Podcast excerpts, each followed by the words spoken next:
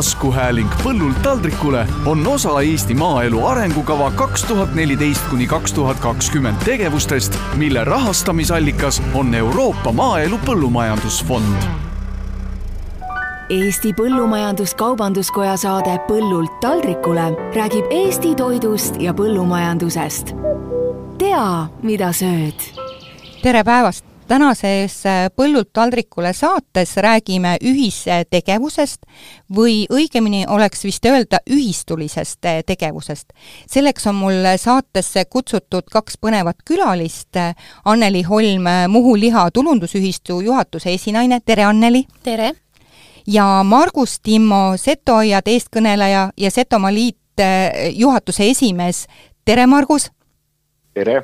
ja Margus on meil tegelikult täna läbi telefoni eh, meie vestlusest siis osaleja.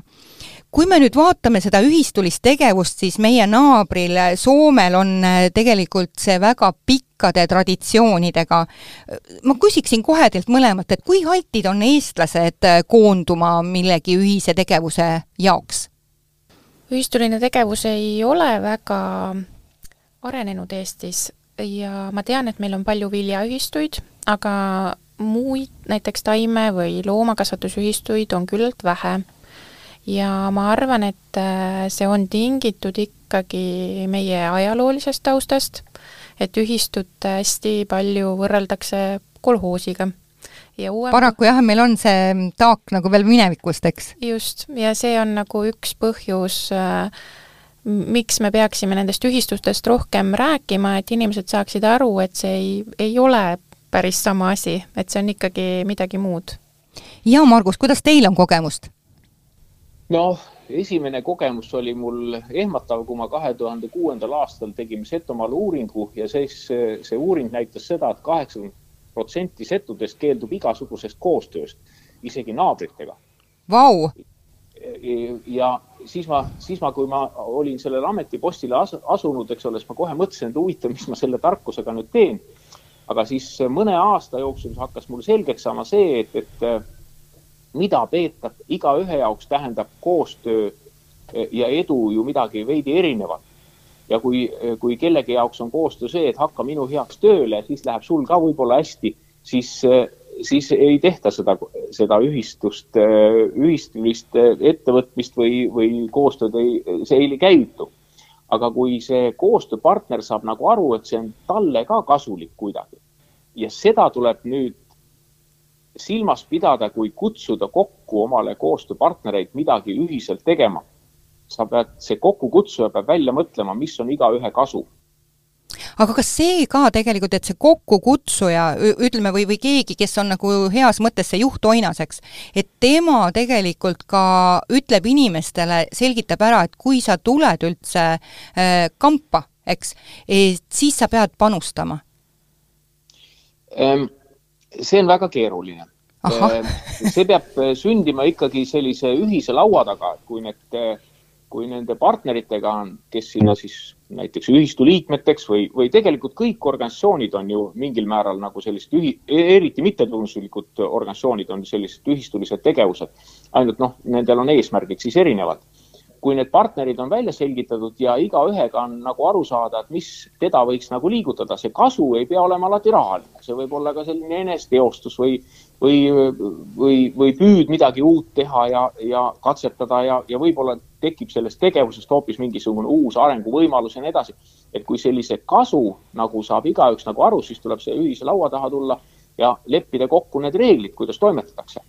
et see on üks selline keeruline protsess, kuna, kuna meil eestlaste vahel on vahepeal raskusi nagu teineteise usaldamisega ja siis äh, ei räägita sellest, et mis teda häirib või, või mis, mis igaüks nagu tahaks kuhugi välja jõuda, eks ole mm, -hmm. sest kardetakse nagu konkurenti ja nii edasi.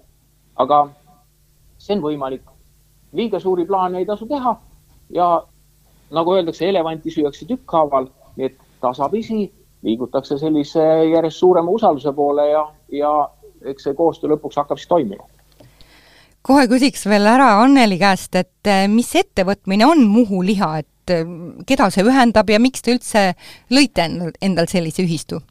Muhu liha on siis äh, nagu nimi ütleb, lihaühistu ja liikmeteks on siis lamba- ja veisekasvatajad ja Muhu Jahiselts ja eesmärgiks on oma toodangu väärindamine. aga teid on siis nii palju, neid, ma saan aru, et lamba, kas ka kitse või? Äh, kitsekasvatajaid hetkel ei ole ühtegi, on lamba- ja veisekasvatajad ja meil on hetkel seitseteist liiget. Päris palju ühe Muhumaa kohta. jaa, on. ja mis aastal te juba alustasite? kaks tuhat seitseteist on ühistu loodud. Margus, kui lihtne on öelda, et Seto aiad kasvatab mustsõstrat, aga kuidas on tegelikult lood teil selle ühistulise poolega ja kuidas teil need mustsõstra kasvatajad kokku said? võiks öelda niimoodi, et seto aiad ise ei kasvata ju midagi. seto aiad siis koondab, see seto aiad on tulundusühistu, mis koondab siis üheksa eh, liiget mm. -hmm. aga, aga selle mustsõstrani jõudmine, Setomaal ei ole ju tegelikult mustsõstra suuri kasvatusi olnud, kuigi nagu igaühel on ilmselt kodus mõned põõsad olemas. Eh, jõudmine käis niimoodi, et me tellisime Maaülikoolist uuringu, see oli siis juba Setomaa Liidu selline väljakutse, et kuidas väärindada Setomaal asuvaid maatükke, mis teatavasti ei sobi nagu traditsiooniliseks selliseks suurpõllumajanduseks. meil on sellised väiksed põllud ja küntlikud maad ja, ja nii edasi ja, ja me ja su, mullad on väga happelised ja, ja samas savikad ja nii edasi. et Maaülikool tegi siis erinevatele kultuuridele sellised tasuvusanalüüsid meie tellimusel ühe projektiga ja sellesse valikusse sattus ka mustsõstar ja see mustsõstar tundus, et see meie kliimasse me tegime ka kliimauuringut, kliimasse ja, ja meie muldadele sobib äh, see kasvatamine ja kui see oli nagu selge, siis selle, selle veendumuse tekkimiseks me korjasime kokku sellised, meil käis läbi umbes kakskümmend inimest, kellest järgi jäi umbes kümme, kes nagu tõsisemalt nagu huvitusid ja siis me üürisime väikse mikrobussi ja sõitsime siis Läti, selle ma panin muidugi oma kuludega kokku Läti, Leedu ja Poola mustsõstra kasvatajad läbi, jõudsime Poola mustsõstra kasvatuspresidendini, kes kasvatas mustsõstraid kolmesajal hektaril. oh heldus mm. -hmm. ja me kohtasime sellel teel ainult ühte kasvatajat Lätis, kes kasvatas siis mahemustsõstrat ja tema kasvatas siis nagu viie, viiekümne kuuel hektaril. Ja kogu selle reisi käigus sai meile nagu selgeks see, et mustsõstar on õige valik sellepärast et seda on võimalik teha võimalikult väikse käsitsi tööga. Ja sai selgeks see, et me kindlasti tuleme tagasi ja me keskendume mahele, sellepärast et kõik konkureerisid mittemahedas marjakasvatuses ja sel aastal oli müügihind kolmkümmend senti kilogramm, kusjuures see mahe mustsõstra müüja müüs euroga, kuigi mahe mustsõstra maht on kahe võrra väiksem kui intensiivsel kasvatamisel ja väetistega ja mürkidega kasvatamisel, aga hinnavahe oli meie kasuks ja, ja me selle tarkusega tulime tagasi ja siis äh, asutasime alles tulundusühistu, nii et me ikka tegelikult tegime mõned aastad sellist eeltööd ja, ja suhtlesime väga paljude väikeste maaomanikega. kui vana on äh, Setomaa aiad? kui äh, pikalt te olete juba tegutsenud? no me hakkasime koos käima kaks tuhat neliteist, aga kaks tuhat kuusteist jõudsime siis tulundusühistu asutamiseni aga kaks tuhat viisteist me panime maha siis oma istandused, need meil kõige vanemad istandused on siis kaks tuhat viisteist maha pandud ja kokku siis me üheksa liiget praegu kasvatab siis neljakümne viiel hektaril on mustsõstra istandusi, aga, aga meie hulgas on ka neid, kes kasvatavad veel mustikaid ja vaarikaid ja sõltuvalt sellest, mis tooteid nagu tema nagu teha tahab. ja, ja ka maasikaid ja meie hulgas on ka üks, kes ei ole veel täielikult mahedaks läinud, aga ta on osaliselt mustsõstra osas on mahedaks läinud, aga näiteks maasikat ja kartulit kasvatab veel tavapõllumehena. ma tean, Margus, et Setomaal on ka üks külmakeskus ja ma saan aru, et see on nüüd selle Seto aiad alt või on liidu alt ise? ei, see on Seto aiad alt, sest me, meil jõudis ka see, kui me seal Poola mustsõstra kasvatuspresidendi juures oli, mis me nägime tema hoidlaid ja, ja kui sa marja ju põllult kahekümne kraadiga korjad, siis tuleb see kõigepealt maha jahutada, et see kestaks, et üldse müüa saaks nii et meil tekkis nagu see arusaam ka juba siis, et tegelikult me peame leidma ühe võimaluse kuskilt eh, hoidla endale ehitada ja aga kuna me olime Setomaal nagu piiri ääres ja Eesti-Vene programm toimis, siis me leidsime Pihkvast partneri, kes eh, kasvatas eh, Ivan tšäid ja, ja kuivatas, kuivatisi tegi need või noh, tegi teed, kuivatatud teed, eks ole, ja ka juurvilju. ja, ja siis me saime selle projekti toetusega rajada omale sellise külmakeskuse Obinitsa ja siis venelased tegid omale kuivatuskeskuse, noh, selles tulevikus just, et, et sa käia üksteiselt nagu kogemusi vaatamas. näiteks see Vene partner koondas umbes tuhat Ivan-Tšai kasvatajat. nii palju isegi mm -hmm.? jah, ümber Pihkva linna nagu tegutses nagu kooperatiivina, nii et, et seal oli ka selline huvitav nagu neid ühistegevuse noh, jälgida, kogemusi nagu vaadata, et mis sealpool nagu tehtud on. aga noh, meie, meie läksime oma teed ja meil on praegu üheksa liiget meil on külmakeskus, me oleme ostnud nagu erinevad äh, hooldusseadmed, näiteks meil on kombaini ostsime, siis äh, sellise mustsõstra juurde freesi äh,. see sai ka selgeks meil, eks ole, et, et äh, kombain on see pudelikael, et äh, üks kombain suudab äh, koristada ära viisteist hektarit ühe kümne päeva jooksul järelikult meil peab olema kolm kombaini, eks ole, noh, minul, kellel on nüüd praegu üheksa hektarit mustsõstart, ma ostsin siis omale kombaini, sest mul on ka palju sorte. muidu oleks see ühistu kombain kogu aeg nagu minu, minu põllul, eks ole, aga kõiki muid seadmeid me kasutame ikkagi, ühistu rendib siis neid seadmeid igale liikmele välja, meil on kokku leppinud hinnad ja siis näiteks need freesid ja, ja, ja istutusmasinad ja noh, sellised hooldusmasinad, need on nagu siis ühistu ühised kui te mõlemad siin põgusalt või Margus natuke pikemalt rääkis, kui palju tuli eeltööd teha nüüd, et, et üldse see idee hakkaks idanema ja, ja et tuleks sinna taha inimesi, aga kui keeruline üldse on piirkondlikult äh, hakata siis äh, neid äh, inimesi üldse otsima, et oma ideele taha saada neid? no meil tegelikult sai see ühistu idee alguse hoopis ühest äh, looduskaitseprojektist. ja seal looduskaitseprojektis oli selline tegevus nagu lisandväärtusega toodete töögrupp. Ja need talunikud tulid sinna kokku ja me arutasime, et kuidas on siis võimalik väärindada mm, pärandkooslustel karjatatud loomade mm, toodangut et äh, meil siis Saaremaal ja Muhus ja üldse siis kogu see Lääne-Eesti piirkond on hästi äh, kidura mm, taimestikuga, aga samas väga liigirikka taimestikuga, hästi palju on looduskaitsealasid, äh, mis siis äh, säilivad tänu sellele, et seal karjatatakse madala koormusega lambaid ja veiseid, et on ühest küljest looduskaitsetegevus, aga paratamatult, kui sul on loomad, siis sa pead turundama kuidagi seda, mis sul sealt tekib liha, villa, nahka.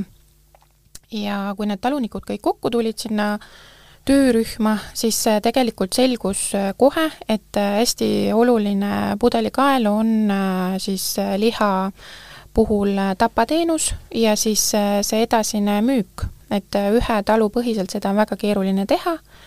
Ja nii me siis otsustasimegi, et, et me moodustame ühistu ja see sai siis teoks kaks tuhat seitseteist, aga see noh, sisuliselt tähendas seda, et meil oli kamp talunikke, kellel oli mingi idee, aga meil ei olnud ei kapitali, meil ei olnud noh, põhimõtteliselt mitte midagi, alustasime Te olite ikka väga julged? jah, jah, julgus oli ainuke asi, mis meil oli. Ja siis me tegelikult alustasime nii, et äh, Muhu saarel Liiva Konsumis, äh, uues Konsumis pakuti meile võimalust oma lihalett teha siis meile pakuti sinna, tegime taha ruumi väikese lõikus äh, sellise kambri endale, saime Saaremaa lihatööstusega Tapa teenuse lepingu ja alustasime ikka väga niimoodi minilt äh, seal. Ja siis äh, juba kaks tuhat üheksateist õnnestus meil omandada siis niisuguse suurem hoone Muhus, ehitasime sinna välja endale lõikuse, pakkimise, toodete tegemise ja nüüd äh, sellel aastal valmis meil Muhu saarel oma tapamaja, mis hetkel on äh, sellises järgus, et äh, Veteamet loodetavasti tunnustab selle nüüd ära lähipäevil ja me saame tööle hakata. nii et selle ajaga sellest kaks kätt taskus on nagu päris palju lõpuks välja tulnud, et kust te rahastust saite? Me oleme kirjutanud erinevaid projekte, on nii Liidrist tulnud rahastust, äh, siis selle esimese lõikus- ja pakendamisruumi renoveerimiseks ja seal meil oli toeks äh, MES, saime MES-ist mm -hmm. ka laenu. siis äh, Tapamaja puhul õnnestus meil saada siis PRIA-lt väike- ja mikroettevõtete investeeringutoetust aga siis ka algselt äh, MES-ist laenu, aga nüüd, kuna me oleme nüüd juba nii suured, siis ka pank andis meile laenu, nii et Swedbank oli nõus meile laenu andma, mis oli meie Teil on nagu imeline kasvamise lugu rääkida. just, täpselt, nii et äh, nüüd äh, on jah, me no, erinevatest allikatest oleme saanud tuge jah, et hästi tänulikud oleme selle eest, et meid on jutule võetud ja, ja on aidatud. sest tegelikult nende projektide või ühistegevuste äh, algatamisel on ju pahatihti kõige suurem takistus siiski raha. Margus, kuidas teil oli? millal tuli raha mängu? ega raha tuligi ikkagi mängu selle külmetuskeskuse või see hoiustamiskeskuse rajamise vajadusest, et äh, aga noh, äh, ma ei tea, minu märkamine on see, et, et kui, kui mingil grupil on selline ühisusaldus ja, ja niisugune ühisenergia, siis tegelikult need lahendused tulevad ise su juurde, sa lihtsalt hakkad neid märkama. nii et äh, ma ei ole nagu kunagi sättinud nagu raha takistuseks, pigem on see, kas inimesed usuvad koos tegemisse või millistegi uutesse väljakutsetesse või nad ei usu. nii et ega meil tuli ka täiesti meil hakkasid ju, marja saab korjama hakata ju kolmandal aastal, kaks tuhat kaheksateist, eks ole, nii et, et sisuliselt sai meil selleks ajaks saigi külmakeskus valmis, nii et see Vene programm avanes täpselt sellel õigel hetkel, tegime selle taotluse ja me saime heakskiidu ja, ja, ja tänu sellele on meil siis nüüd seal, seal maatükk ja, ja siis öö, ostsime siis see, mis me nagu oma rahaga kokku panime, ostsime muidugi selle ühe mahajäetud sigala, mille siis renoveerisimegi ümber siis külmakeskuseks.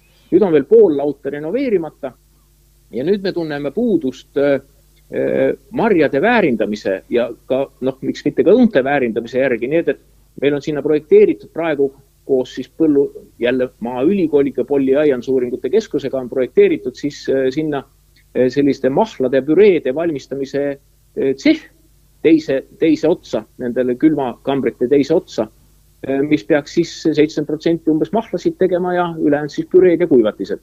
aga see on siis kasvanud nüüd edasi veel selliseks, et, et äh, kuna vald ja, ja üks eraettevõtja on kõrval ka huvitatud koostöös, siis äh, praegu on projekteerimisel meil selline aiasaaduste väärindamiskeskus, mis peaks siis umbes nelisada viiskümmend tonni äh, hakkama töötlema köögivilju äh,, kartulit äh,, kapsast ja nii edasi, kõike sellist ja varustama siis neljakümmend viit Võru maakonna haridusasutust, milleks on siis koolid ja lasteaiad ja selle projekti ettevalmistamine praegu suure hooga käib. Ja me peaksime siis äh, selle augusti lõpuks valmis saama, selle projekti taotluse sisse esitama. Ja kui see kõik õnnestub ja heaks kiidetakse, siis äh, järgmine suur töö on ju see, et, et äh, kuidas saada väikemaaomanikud, kes on väga sobivad just mahetoorainet kasvatama, sellisele koostööle, et, et varustada siis seesama väärinduskeskus toorainega, mis, mille lõpuks ostavad ära kõik koolid ja lasteaiad. jaa, nelisada viiskümmend tonni on päris suur väljakutse teil oma maakonnaga või piirkonnaga noh, tegelikult kui ma vaatan, ma olen kõik ju Eesti tootjaid väga palju läbi sõitnud, siis noh, näiteks kadarpikku on nelisada tonni on kuus nii et meil, meie, meie alustame hästi tagasihoidlikult, aga me alustame seda, et me saaksime eelkõige oma lasteasutused ära varustada ja oma hooldekodud. Ehk siis eh, sellised nagu hulgitoodang peaks minema just, me oleme teinud siis nagu sellised köökide uuringud, et mida kokad nagu vajavad ja kuidas nende käsitsi tööd vähendada ehk siis äh, selle kaudu oleme saanud ka omavalitsused nagu punti, kes on ka väga huvitatud sellest, et kokade elu oleks veidi lihtsam. Äh, ja loomulikult on siin veel armee ja sõjaväe toitlustamine, nii et, et seal kasvuruumi nagu on. aga me praegu alustame niimoodi, et saada esimesed kogemused, sest äh, ega ei keegi, meil ei ole Võru maakonnas sellist väärindamiskeskust praegu ma kuulan Margus kogu aeg, et kuidas on olnud nagu mingi järjekordne ülesanne muudkui tuleb ja siis te otsite seal koos neid võimalusi. aga Anneli, meenutage, milliseid karisid te olete pidanud ületama, et oma seda Muhu liha siis ikkagi ellu viia või ellu kutsuda? Oh, neid karisid ikka on olnud, äh, aga selles suhtes jah, võib-olla meie jutust siin Margusega jääb mulje, et nii nagu lihtne on seda ühistut nagu teha ja juhtida, aga tegelikult äh, eestlased on ikkagi individualistid. Ja meil on ikka omajagu neid kaklemisi olnud omavahel, et see on nagu väga nagu tavaline et on eriarvamused ja see ongi normaalne, et ikkagi palju auru läheb selle nii-öelda ühele arvamusele jõudmise peale. Ja noh, kindlasti siis ka need ütleme, toiduainetööstuse puhul kõik need nende load, kasutused, noh, ühesõnaga kõik see bürokraatia pool, mille sa pead endale väga hästi nagu selgeks tegema, et noh, mina äh, tulin täiesti teisest valdkonnast, ma töötan tegelikult praegu osaliselt ka Maaülikoolis, olen seal projektijuht, et no ütleme, toiduainetööstusega ma ei olnud absoluutselt varem kokku puutunud, et hariduselt ma olen bioloog hoopis. et see endale nagu selgeks teha, läbi närida ja meie turustame ka jaekettidesse ja restoranidesse, mis omakorda paneb nagu väga palju nõudeid sinu tootele, kuidas see peab märgistatud olema, mis katseid sa laboris pead tegema ja nii edasi. et noh, see on nagu, ma ei ole vist õppinud nii palju uusi asju, kui ma nüüd selle ühistu nagu käivitamise ja, ja töö juures olen õppinud viimaste aastate jooksul, et kuidas see kõik äh, nagu peab käima. aga samas ma nagu julgustan inimesi, et äh, täiesti võimalik on see, et sa suudad seda teha, kui sa oled järjepidev ja sa saad selle endale selgeks tehtud sest ma saan aru ka, et seda ei ole vaja ühelt samal ajahetkel, vaid seda saabki mingi, küll võib-olla väga kiiresti tuleb õppida, aga et need äh, ülesanded tulevad ikkagi ju samm-sammult sulle. Just, ja me oleme ka seda teinudki samm-sammult, et me tegelikult kõigepealt ju alustasime siis Äh, lihalõikuse pakendamisega, siis toodete valmistamisega ja nüüd siis lisandub see tapmise pool sinna, et äh, järjest äh, jah, oleme siis e-, edenenud sellega, et, et ei pea kõike korraga ette võtma, just. Ma tean, et lihale ju tegelikult on kehtestatud erilised nõuded, seal toidupuhtus, see peab olema hügieeninõuded kõik täidetud, et kuidas te ise tagate oma ühistus, et teil on need kõrged normid täidetud? no ühest küljest on ju igal toidu käitlemisettevõttel äh, siis äh, nii-öelda see oma kontrolliplaan, enesekontrolliplaan, kus on kõik siis kirjas, mitu korda puhastada, kuidas töötajad peavad käituma, kuidas töötajad on koolitatud, kõik see, aga lisaks äh, meie, mis me oleme teinud siis oma ühistus, kuna me töötame paljude väikeste taludega, siis meie jaoks on oluline see tooraine kvaliteet ja me oleme siis teinud enda ühistus äh, toidu kvaliteedikava, mis on äh, riiklikult tunnustatud ja mis siis äh, meile tagab seda, et see liha, mis meile tuleb tootjalt, oleks kvaliteetne. et see loom oleks heades tingimustes kasvanud, et ta on saanud käia rohumaal, et ei ole kasutatud ravimeid enne tapale viimist, et kõik need osad, et äh, see kvaliteedi tagamine algab tegelikult juba seal to-, kasvataja talus ja siis meie kogu sellest äh, kasvamise, looma kasvamise aja jooksul, eks? just, täpselt. ja siis meie peame siis tagama, et meie puhtalt ja korrektselt oma tööd teeme. ja see ei ole tegelikult mitte ainult siis äh, tarbija seisukohast oluline, vaid tegelikult ka tootja sest mida paremad hügieenitingimused sa tagad, seda kauem su kaup säilib, mis on noh, otseline rahaline nagu mõõde sealjuures, et seda kauem sa saad teda müüa, et äh, ma, ma selles suhtes äh, olen väga rahul, et Eestis on nii kõrged need nõuded, et äh, kui sa lähed poodi, sa saadki olla kindel, et see on kvaliteetne ja hea kaup ja et sul ei ole see kuskil räpastes tingimustes toodetud, et ma olen nagu väga-väga rahul sellega. Ma kuulan teie tegemisi ja, ja adun, et selle taga on nagu igapäevane väga tõsine töö ja tegevus. aga mis paneb teid või mis teid motiveerib igapäevaselt neid esile kerkivaid probleeme lahendama, et kuidas te ära ei väsi? või väsite mis te teete siis samal ajal? jaa ja kui minu, minu kord öelda, siis on, on see, et kui ma ühistu tegevust ära väsin, siis ma kasvatan oma põllul mustsõstreid, mulle meeldib traktoriga sõita ja ja see on nagu selline meditatiivne tegevus, et kui hakkad mingeid rumalaid mõtteid mõtlema, siis sõidad põõsastele otsa või sõidad, sõidad, jätad, jätad selle õige raja sõitmata.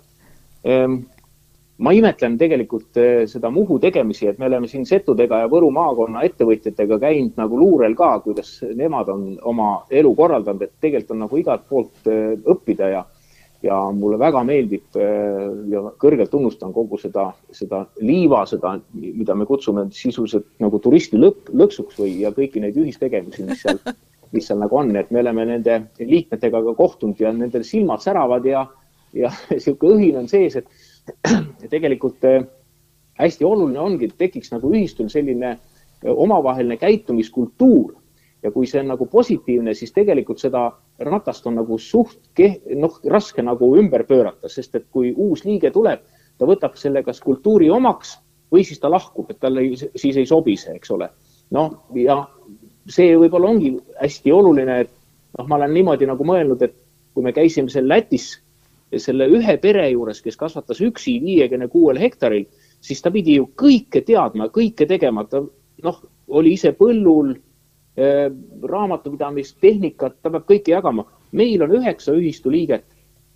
igaüks teab midagi, igaüks oskab midagi ja meil, meil ongi juba välja kujunenud ka, kui meil juhtub midagi tehnikaga, siis me pöördume ühe ühistu liikme juurde keegi tunneb jälle põldu või marja haigusi paremini, siis me räägime nagu temaga. ehk siis tegelikult äh, see ühistuline tegevus eeldab seda, et, et me oleme nagu kõik kursis noh, oma ühistu liikmete selliste vajaduste ja, ja, ja probleemidega, rõõmudega ka, miks mitte.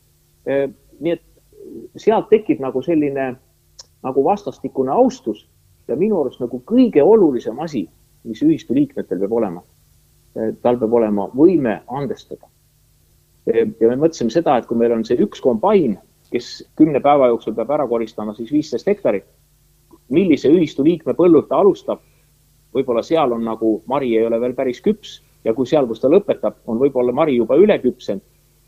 kui ma olen üksikomanik, siis ma annan ju endale andeks, et okei okay,, sel aastal alustasin veidi valesti sellest sordist ja ma järgmine aasta hakkan kuskilt mujalt pihta ja nii edasi, ma andestan endale. oluline see, et ühistu liikmed suudavad ka teineteisele andestada et nagunii tekib selliseid keerulisi aegu ja otsuseid, nagu ka meil on olnud seda, et kus siis ostjad, näiteks turuostjad, ega nemad on ju väga kavalad, nad helistavad kõik ühistu liikmed läbi, ütlevad niimoodi, et vaat see ühistu liige pakkus, küsis ainult üheksakümmend viis senti, anna sa veidikene odavamalt, ma võtan sinu käest selle kauba ära.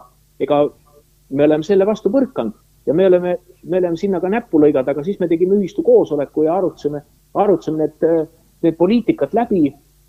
Ja noh, enam pole seda juhtunud, et selliseid karisid on ju äh, igal juhul igapäevaelus kogu selle keskkonnamuutusega kerkib esile, aga oluline on see, et kujuneb välja kultuur, vastastikune austus ja suudetakse teineteisele andestada. jaa, väga head mõtted. Anneli, aga kuidas teie kestate edasi? ma kõigepealt tänan Margust tunnustuse eest ja ma nõustun selle kultuuri osas täielikult, et äh, tegelikult needsamad ühistu liikmed, äh, kui nad näevad, et see on äh, nii-öelda kogu selle grupi hüvanguks, nad panustavad, nad aitavad, mul on olnud hetki, kui meil siin Tapamäe ehituse juures saabus mingi suur seade, ma helistasin kolmele liikmele, kas te saate tulla tunni aja pärast ja aidata selle maha tõsta, kõik olid kohal, kõik aitasid, et see on tegelikult nagu hästi selline nagu energiat andev, et sa näed, et sa üksi ei rapsi seal, vaid tegelikult need inimesed, kes seal ühistus on, need kõik nagu panustavad. Ja see minule isiklikult äh, meeldib teha asju, mis tunduvad alguses utoopilised mis on võib-olla natuke imelik, aga noh, tihti, kui me alustame mingi suure asjaga, siis inimesed ütlevad, oh, see on seda pole mõtet teha, niikuinii see ei õnnestu. aga selles suhtes, kui sa on ikkagi nagu järjepidevalt ja ise usud, et see on nagu väga hea mõte ja seda on vaja, ja sa selle siis äh, nagu lõpuni viid, siis see on nagu väga selline noh, eduelamus, et äh, see kindlasti. ja nagu Margus ka ütles, siis äh, mul on äh, ka see oma talu, kus mul on lambad, mul on endal ka sada kakskümmend lammast. Ja kui ma kõigest ära väsin, siis ma lähen tegelen nendega, et see on ka selline energiat andev tegevus minu jaoks.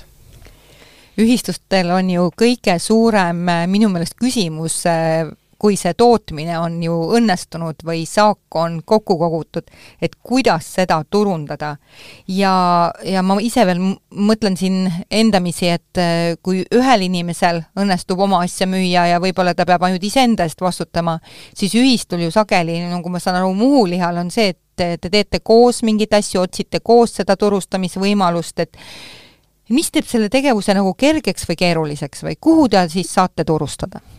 No meie turustame praegu jaekettidesse ja siis Horeca sektorile ehk siis äh, restoranidele, hotellidele, et noh, see on läinud ka järk-järgult. et erinevad kaubandusketid, igaühega on omad reeglid ja alustasime väikselt, nüüd oleme juba nii palju kasvanud, et oleme siis nii-öelda see kesklatu tarnijad, mis meie jaoks on jälle suur edasiminek.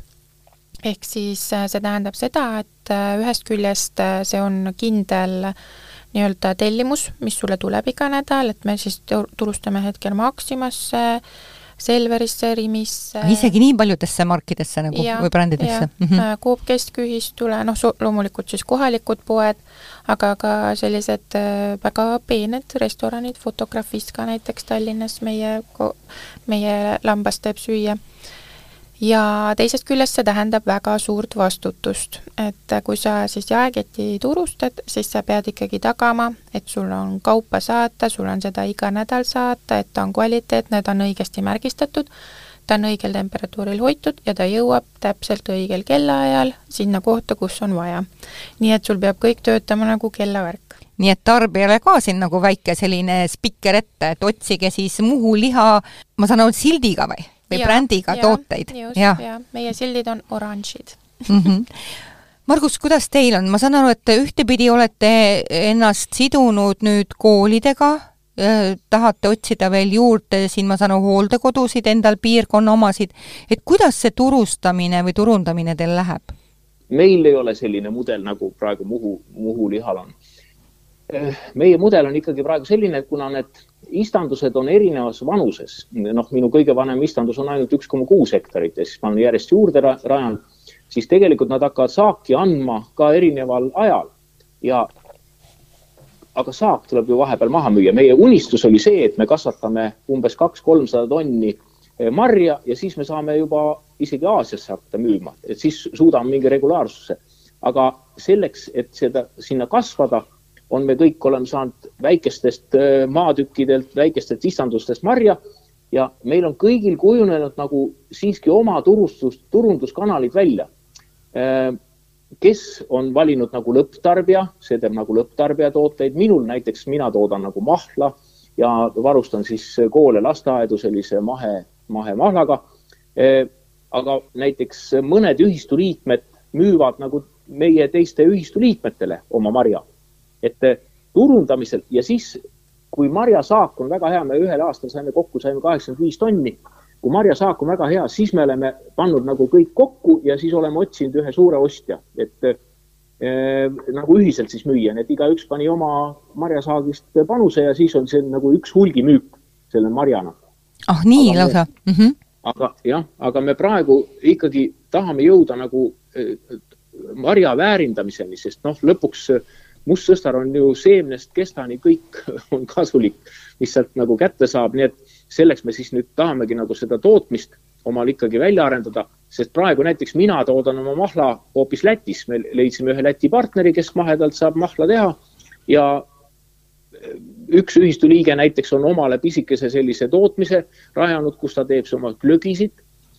teine ühistu liige teeb siidreid, nii et, et meil on natuke sellist äh, noh, esiteks on toote valik hästi kirju ja kellel läheb paremini, mõnes mõttes on see ka väga tore ja hea, kellel läheb paremini, see ostab teistelt nagu marja ära, kellel ei ole nii aega ja soovi nagu noh, selle turundusega tegeleda. kui te juhite nii suuri ettevõtmisi, ma mõtlen kas või juba liikmete poolest, tegevuse poolest, siis te kindlasti aeg-ajalt tuleb ka raskeid või keerulisi otsuseid teha mida te taga, tagantjärgi saate meenutada, et see oli väga keeruline periood või raske periood, aga see oli vajalik otsus? mis tuleb meelde? no meie puhul on, on ikkagi see, eh, kui meil oli marjasaak, eh, ei olnud nagu marja-aasta ei olnud kõige parem ja siis eh, Tallinna, Tartu turumüüjad hakkasid siis ühekaupa töötlema meie liikmeid, et me olime küll enam-vähem rääkinud, et äh, turul on hinnad umbes üks, üks euro, eks ole, et sellega me võiksime nagu müüa kõik siis. aga siis hakati töötlema, eks ole, et müüa nagu, müüa ikkagi mõned sendid odavamalt ja, ja tegelikult äh, see tekitas nagu pinget, usaldamatuse ja, aga õnneks me võtsime kohe ausalt omavahel nagu rääkisime, no nagu pereliikmed ikkagi võtavad halva asja omavahel ette, räägivad ära ja me oleme selle probleemist äh, üle saanud ja see on meid isegi tugevamaks teinud. et nagu see oli üks hästi keeruline aeg, üks, üks suvi, aga noh, hiljem pole seda nagu enam nüüd olnud. nii, Anneli, mis teil on meelde tuletada? minu jaoks just kõige keerulisemad olukorrad on, kuna meil on töötajad, meil on kümmekond töötajat ka, kes siis äh, äh, liha töötlemisega tegelevad, siis ikkagi nende inimestega seotud otsused nagu kõige rohkem minu jaoks nagu jäävad kripeldama, kui sul on vaja kedagi välja vahetada või, või ongi nii-öelda ei sobi sellele tööle, et need nagu natuke ikka jäävad kripeldama, aga samas tead, et noh, oli vaja teha see otsus milliste saavutuste üle te tunnete praegult juba head meelt? no kui minu kord on öelda, siis ja, kõige suurem heameel on see, et, et meil on äh, selline omavahel nagu usaldus tekkinud ja, ja, ja see, see ühistu meil nagu kestab ja me oleme ikkagi tegelikult loonud omale sellise külmakeskuse ja nüüd sellest külmakeskusest me valmistame ette projekti, meil oli üldkoosolek, sest et noh, seal on kolm maaomanikku selle suure projekti juures, mis on nelja miljoniline investeering sisuliselt. Ühistu tuli nagu üks mees, loomulikult lähme ikkagi ühistegevusse lähme kogu selle tootmis, selle väärinduskeskusega nagu kaasa. noh, me saame ise ka oma tootmist nagu edendada, arendada ja, ja, ja otsime koos nagu võimaluse kaubasortimendi suurendamiseks ja üldse nagu Võru maakonna siis mahetootjate toetuseks sellist koostööd suurendada. see on nagu minu arust nagu kõige rahuldust pakkuvam praegu. Minu jaoks kindlasti meie tapamaja valmimine, et see on nagu olnud algusest peale meie, meil on põhikirjaline eesmärk see, et me peame selle valmis saama. Ja eelkõige praegu meie jaoks ikkagi väga kriitilise tähtsusega, sest et äh, meie maakonna ainus tapamaja suleti eelmise aasta detsembris, nii et praegu me tapame loomi Hiiumaal. nii et see logistika on väga hull praegu ja see, et me saame koha peal äh, seda teha, see kindlasti annab kaasa selle liha kvaliteedile. Äh, loomad ei pea olema transporditud kaugele, me saame ise tagada hügieeni ja kõik muud, et kõik oleks hästi tehtud. nii et ähm, see on nagu selline, et ma mõtlesin, kui see nüüd valmis saab, siis ma puhkan paar nädalat. Milliseid investeeringuid te tahate nüüd veel ühistus teha, et äh, ma saan aru, Margusega on asi kindel, eks, temal läheb nüüd edasi seesama projekt, eks? See on sellest külmakeskusest, tuleb see suurem jah, et kus saab töödelda ja ette valmistada siis äh, köögikokkade jaoks äh, juurvilja ja köögivilja, aga mm. kuhu tahab muu liha minna? meil on ka tegelikult laienemisplaanid, et kuna nüüd tootmine loodetavasti suureneb tänu sellele, et me saame ise tappa, siis äh, see hoone, kus me praegu äh, tegutseme, on tegelikult palju suurem, see on äh, tegelikult Muhu kunagine kalatööstuse hoone, me kasutame sellest võib-olla ühte kolmandikku praegu. Ja saime just valla käest kätte ehitusloa eelmine kuu, et tahame seal siis oma lõikust ja toodete valmistamist laiendada. Et äh, oleks paremad tingimused, suurem ruum, saaks võib-olla töötajaid juurde võtta, nii et ikka edasi et me kuuleme ühte imelist kasvamise lugu. Margus, kas on veel mingisuguseid investeeringuplaane lisaks selle oma selle külmakeskuse suurendamisele? no praegu ikka kogu fookus ja tähelepanu on ikkagi selle peale, et noh, ja lõpptulemusena me tegelikult oleme propageerinud sellist mahemustsõstra kasvatust, sest me nagu näeme praegu seda, et, et ainult Setomaa ei suuda kahte-kolmesada tonni nagu kokku panna marja, et noh, tänu võib-olla meie sellisele suurele turundusele on nüüd tekkinud Viljandisse kakskümmend, kolmkümmend hektarit, Ida-Virumaale kakskümmend, kolmkümmend hektarit juba sellist, äh, selliseid ettevõtjaid, kes kasvatavad ka ja noh, me oleme nagu unistanud või mõlgutanud mõtteid sellest, et me võiksime Eestisse rajada nagu sellise sorteerimistehase. kuna tegelikult näiteks tööstused vajavad puhastatud marja, see tähendab seda, et sellel marjal peavad isegi need karvakesed ära võtma. rääkimata sellest, et seal ei tohiks olla rohelisi või, või lihtsalt lillasid või, või helepunaseid marju. aga kui kombain korjab, siis ta korjab ju kõik ära, nii et, et me vajaksime nagu sellist ühist puhastusliini, aga need on hästi suured ja selleks on nagu meie maht, see nelikümmend viis hektarit ikkagi liiga väike veel. et me, me tegelikult vajaksime, et tuleks rohkem huvilisi et äh, jõuda selle puhastatud marjali ja siis avaneb palju rohkem kogu see rahvusvaheline turg meile just. ma saan aru, et siin oleks tegelikult hoopis äh, meil äh, vaja uut saadet, et me räägime lähemalt marja kasvatuse sellistest eripäradest, et kuidas siis lõpuks tarbija saab selle siidise moosi endale, kui isegi need karvad on sealt ära võetud. Aga ja meil hakkab ühtepidi ka saate aeg otsa saama et kas teil endal on veel mingi mõte, mida me ei ole täna saanud käsitleda või, või tahaksite üle, midagi meenutada? mina võib-olla tahaksin üles kutsuda Eesti ühistuid ennast äh, tunnustama, et äh, meil on äh, selline võimalus Eestis, et tulundusühistud saavad taodelda PRIA-lt tunnustust. Ja meie seda tegime ja saime selle. Ja siis meie üllatuseks selgus, et Eestis on veel ainult üks ühistu, kellel see on see tunnustus. ehk äh, see on nagu selline äh, kuidas ma ütlen, verifitseerimine, et seal on liikmeid piisavalt, et see on nagu elujõuline ja kui see on tehtud, siis tegelikult PRIA mm, väga hea meelega toetab ka erinevaid ettevõtmisi rahaliselt. oo, kui hea mõte! Margus, jah? jaa, see, millega mina olen nagu vaevelnud, on see, et tegelikult nagu Eestis ühistulistegevust nagu toetatakse, aga need toetused on nii suured, et äh, tegelikult sellised lokaalsed väikeühistud ei pääse nendel ligi, me ei kvalifitseeri, me, me ei suuda kokku panna oma finantseeringut sellisel määral nagu, et saada seal miljon, miljon või kaks või kolm toetust nagu kätte. et äh, tegelikult äh, noh, minu soov on nagu poliitikutele edasi anda eelkõige seda, et, et tekiks selliseid väikeühistu toetusprogramme, kus regiooniti hakkavad noh, nagu meie pisike ühistu nagu võib-olla Muhu ka teistesse maakondades tekkisid ühistud ja vaat nende vahel tekib nagu selline sünergia ja võib-olla veel tekib spetsialiseerumise kaudu, nagu me tahaksime seda puhastus, puhastusliini või puhastustehast teha, eks ole. siin on vaja meil rohkem selliseid väikeühistuid, kes tuleksid sinna punti, et sellist nagu katus, sellist katust luua üldse.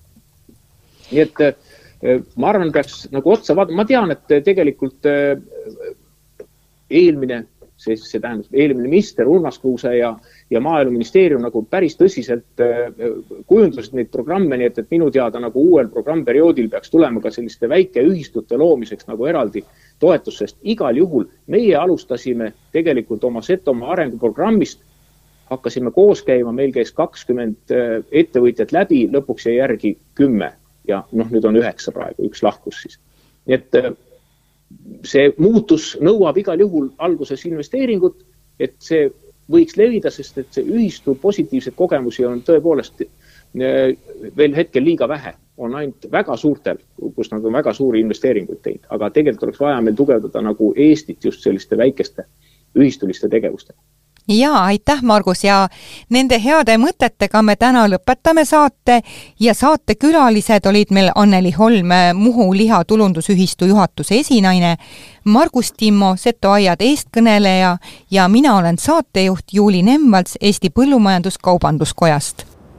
Eesti Põllumajandus-Kaubanduskoja saade Põllult taldrikule räägib Eesti toidust ja põllumajandusest. tea, mida sööd